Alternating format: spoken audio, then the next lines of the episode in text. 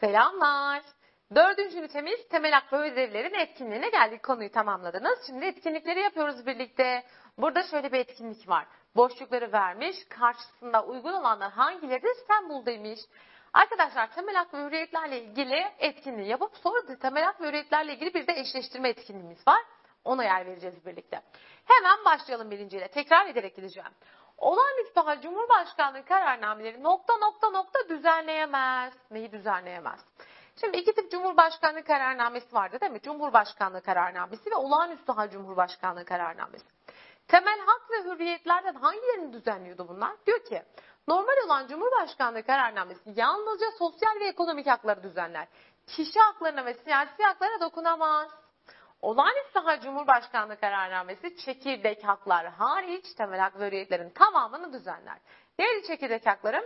Yaşam hakkı, maddi manevi vücut bütünlüğü, din ve vicdan özgürlüğü, suç ve cezaların geçmişe yürütülememesi ve masumiyet karinesi benim çekirdek haklarım. Şimdi soruya dönüyorum.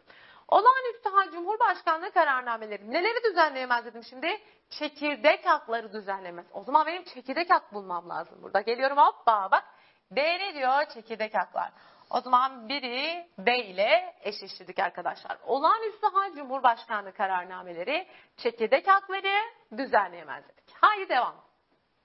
Yabancılar için temel hak ve hürriyetler milletler arası hukuku, hukuka uygun olarak sınırlanabilir.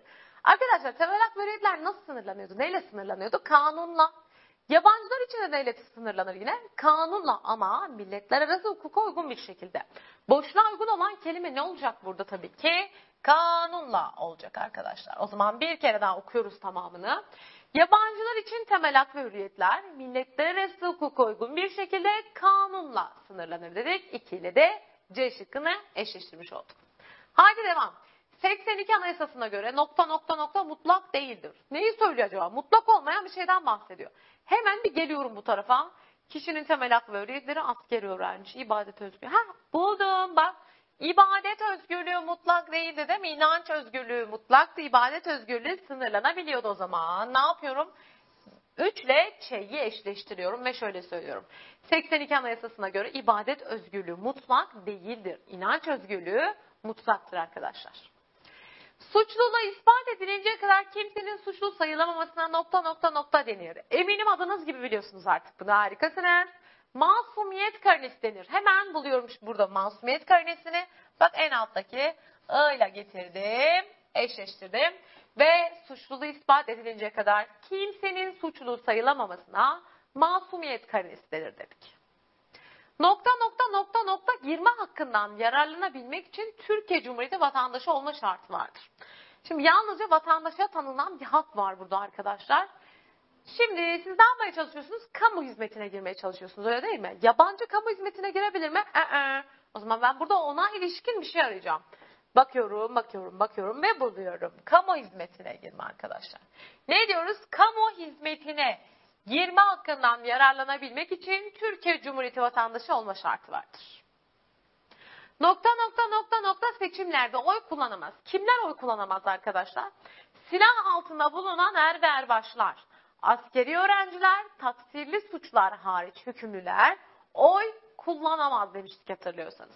Şıklarda bunlardan birini arayacağım o halde. Askeri öğrenci, silah altında bulunan er ve erbaş, taksirli suçlar hariç hükümlüler. Haydi bakalım bir bakalım bakalım bakalım ne var burada? Hiç bulamıyormuşum. Askeri öğrenciler. Çünkü kışta da siyaset olmaz demiştik. Askeri öğrenciler seçimlerde oy kullanamazlar. 82 Anayasası'na göre yabancıların dilekçe hakkından yararlanabilmesinin ön koşulunu nokta nokta nokta oluşturur. Arkadaşlar 2001 yılında yabancılara da karşılıklılık esaslı gözetilerek dilekçe hakkı tanınmıştır. Yani şunu söyleriz biz. Türkiye'de ikamet eden yabancılar karşılıklık esaslı gözetilerek dilekçe hakkına nedir? Sahiptir. Ben ne arayacağım burada? Bir dilekçe hakkı. Bak burada. Neymiş yabancıların o zaman ön koşulu dilekçe hakkından faydalanması için?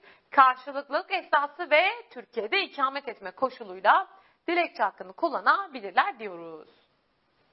Konut dokunulmazlığı, haberleşme hürriyeti, dernek kurma hürriyeti gibi haklar nokta nokta nokta haklar arasında yer alır. Bak şimdi dokunulmazlık, hürriyet, hürriyet Zaten bu kelimelerin geçmiş olduğu haklar neydi istisnası hariç? Kişinin hak ve ödevleriydi arkadaşlar. O zaman 8'i neyle eşleştiriyorum ben? A ile. Kişinin temel hak ve ödevleriyle. Tamam. Konu dokunulmazlığı, haberleşme hürriyeti, dernek kurma hürriyeti gibi haklar kişinin temel hak ve ödevleri arasında yer alır. Tamam mı? Peki şey deseydim mesela, e, özel hayatın gizliliği. O ne? O da kişi hakkında. Sendika hakkı nerede? Sosyal hakta. Dilekçe hakkı nerede? Siyasi. Kamu hizmetine girme, siyasi. Eğitim öğrenme, sosyal. Değil mi? Devam. Toprak mülkiyeti, çalışma ve sözleşme yapma özgürlüğü, ailenin korunması, çocuk hakları gibi haklar. Doğru söylüyorsunuz. Sosyal ve ekonomik haklardan sayılırlar. Evet. Toprak mülkiyeti, çalışma ve sözleşme yapma özgürlüğü, ailenin korunması, çocuk hakları gibi haklar sosyal ve ekonomik hak ve ödevler arasında yer alır. Arkadaşlar diyeceksiniz ki hocam yukarıda dediniz ki özgürlük, hürriyet, dokunulmazlık geçiyorsa kişi hakkıdır. Ama konuyu anlatırken ne demiştim? Evet kişi hakkıdır özgürlük geçiyorsa ama istisnası vardı. Çalışma ve sözleşme yapma özgürlüğü. Bak özgürlük geçmesine rağmen bu da nerede? Sosyalde. Çünkü iş hayatının getirdiği şeyleri nerede alacaktım ben? Sosyalde. Mesela çalışma ve sözleşme yapma özgürlüğü, dinlenme hakkı, izin hakkı, ücret ve adaletin sağlanması, sosyal güvenlik hakkı, grev ve lokalt hakkı gibi haklar ne arkadaşlar? Sosyal ve ekonomik hak ve ödevlerdir. Cenaze ve defin işlemlerinde nokta nokta yapılamaz. Ne kaldı zaten geriye? Grev ve lokat kaldı. Cenazede grev olur mu arkadaşlar? Cenazeyi kaldırmıyorum grevdeyim. Olmaz. Cenaze ve defin işlemlerinde grev ve lokat yapılamaz. Tamam. Evet şimdi geliyorum. Diğer etkinliğimize geçiyoruz arkadaşlar. Eşleştirme yapacağız. Şimdi bana diyor ki biliyorsun diyor temel hak ve ödevler üç grupta incelenir. Kişinin hak ve ödevleri, sosyal ve ekonomik hak ve ödevler, siyasi hak ve ödevler. Şimdi hangisi hangisine girecek bu? Bir başlayalım. Konut dokunulmazlığı nerededir? Evet, kişi haklarındadır. Bir aldım, çektim. Konut dokunulmazlığı kişinin hak ve ödevleri. Eğitim ve önce şunu bir hatırlayalım ya da. Şimdi kişinin hak ve ödevlerine biz negatif statü hakları diyorduk değil mi? Devlet bu alana dokunam, dokunamıyordu. Bu haklar beni devlete karşı koruyordu. Pozitif ol, şey, e, negatif burası karışma bana diyordu. Şurada sosyal ve ekonomik haklarda pozitif ol ver istiyordum isteme hakları da verdik pozitif statü derdik. Siyasi haklara da aktif statü hakları diyorduk katılma hakları diyorduk. Bir daha söylüyorum baştan. Kişinin hak ve ödevleri neydi aynı zamanda arkadaşlar bakın benim negatif statü haklarımdı. Sosyal ve ekonomik haklar pozitif statü haklarımdı. Siyasi haklar benim aktif statü haklarımdı. Devam ediyorum. Eğitim ve öğren, öğrenim hakkı nerededir? Belli ki eğitim öğrenim. Devletten diyorum ki ben okuyacağım. Eğitim öğrenim istiyorum. Sosyal ve ekonomik hak ve ödev. Kıyılardan yararlanma. Evet. Sosyal ve ekonomik hak ve ödevler. Konut hakkı. TOKİ'ler. Sosyal ve ekonomik hak ve ödevlerde. Mülkiyet hakkı. Mülk edinme hakkım olsun diyorum. Nerede bu mülkiyet hakkı? Kişinin hak ve ödevlerinde. Toprak mülkiyeti hoppa sosyal ve ekonomik hak ve ödevler. Bak dikkat karışanları bir araya koymuşum zaten.